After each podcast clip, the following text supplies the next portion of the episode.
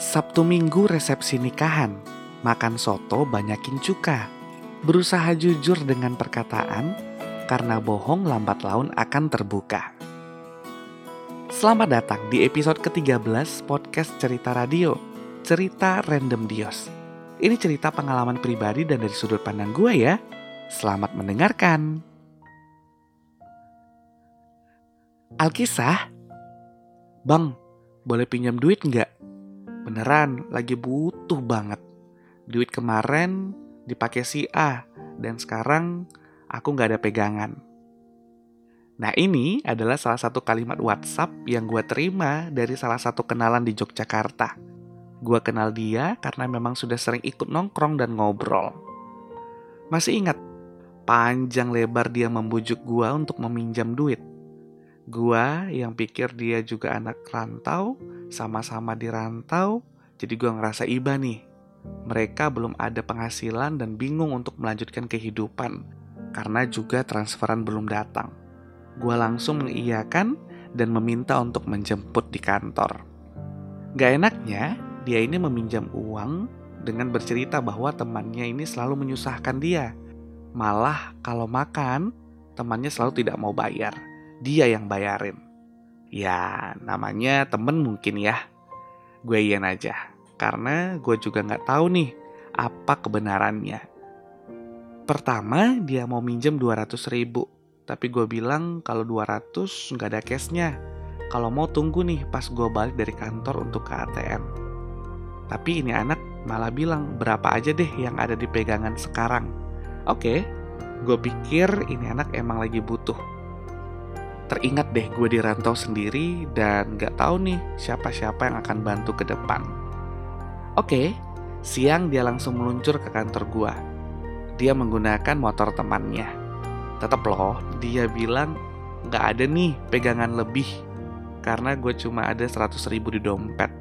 Gue jelasin lagi, kalau mau ya nunggu balik dari gue ke kantor. Karena ATM lumayan jauh. Eh dia langsung sambar aja tuh duit 100 ribu nggak pakai basa-basi. Biasanya kan, aduh nggak enak nih nyusahin, atau makasih banyak ya udah dibantu. Nah ini sama sekali enggak. Di akhir dia juga nggak bilang makasih loh. Biasanya gue kalau minjem ke orang lain nih, gue bakal bilang makasih banyak ya udah dibantu. Ntar pas tanggal segini gue ganti ya. Kan lumrahnya begitu. Nah ini anak gak ada ngomong.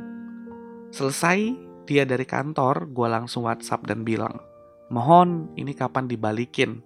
Gue gak suka hubungan rusak cuma karena masalah duit 100 ribu. Dia manis banget bilang iya. Akhir bulan diganti ya bang. Gue sih percaya-percaya aja. Sebelum akhir bulan, gue WhatsApp. Jangan lupa ya sama perkataan lu dengan ganti akhir bulan. Iya jawabannya. Akhir bulan, boro-boro dia hubungi gue ini nomornya sibuk mulu. Gue bukan masalah uangnya, tapi masalah omongannya. Orang itu yang dipegang ya omongannya. Kalau udah gak bisa dipegang, ya gue males semales-malesnya. Bener aja, sebulan lebih kali gue WhatsApp ingetin dan cuma dirit doang. Gak sengaja gue ngobrol nih sama temennya dia. Gue ceritain semua yang dia katakan dan sekarang malah menghilang. Eh, mana nih temen lu? Kok nggak kelihatan? Dia minjem duit gue dan sekarang susah dihubungi. Hah? Beneran bang? Dia nggak bilang kalau dia minjem duit ke abang? Iya, ini baca deh WA dia. Katanya dia nggak ada duit karena sering traktir makan bareng lu. Hah?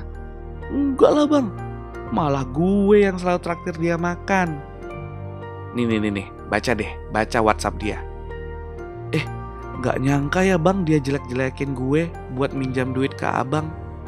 Nah itu makanya gue tanya beneran atau enggak nih ceritanya dia. Ya enggak lah bang, mana ada gue buat dia nggak ada duit.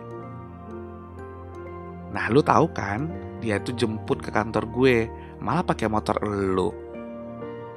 Oh, oh iya iya iya, hari Kamis ya. Nah dia emang ke kos buat minjem motor. Katanya mau ke tempat paman buat ambil duit. Wedew, kok bohongnya semakin menjadi nih? Ntar deh, gue minta lagi ke dia. Percakapan selesai dan gua langsung pikir, kok semakin menjadi ini anak bohongnya. Jadi selama ini bohongnya luar biasa.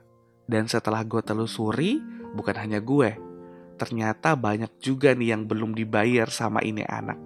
Balik lagi guys, bukan masalah dibayar atau enggak, tapi ini masalah jujur atau tidak. Kalaupun dia nggak bisa balikin, ya mbok dikasih kabar. Ini enggak, kayak gue yang ngemis-ngemis. Jadi inget deh, siapa yang minjem, siapa yang sibuk nanyain. Kita mah di rantau ini penting buat saling bantu-membantu, karena kita nggak ada siapa-siapa di sini. Tapi jangan bohong, itu dia. Kasihan kalau semisal bohong hanya demi minjem duit. Udah bohong, susah lagi dibalikin. Kan jadinya orang nggak simpati lagi kalau semisal memang di kemudian hari membutuhkan. Orang nggak bakalan percaya, nama kalian juga udah nggak baik lagi. Dan akhirnya gue mau ingetin, orang yang dipegang itu perkataannya. Jadi kalau bisa silakan untuk menepati apa yang kalian katakan dan berusaha untuk tidak berbohong. Kebohongan lambat laun bakalan terbuka dengan cara-cara yang gak diduga. Selain itu, jangan rusak silaturahmi hanya karena uang. Jika memang belum bisa sesuai dengan janji, kasih kabar. Orang akan mengerti kok Jangan buat mereka menunggu tanpa ada kepastian. Hargai kepercayaan yang telah diberikan. Buat adonan pakai tepung kanji. Olah adonan sampai berkeringat. Sekali kita tidak tepat janji, seumur hidup akan selalu teringat. Jika ada saran dan masukan untuk podcast cerita radio, sangat ditunggu untuk perbaikan ke arah yang lebih baik. Dan guys, jadilah orang baik. Karena orang pintar, orang kaya, dan orang tenar semakin banyak. Tapi orang baik tergerus zaman. Thank you, dan sampai jumpa di podcast selanjutnya.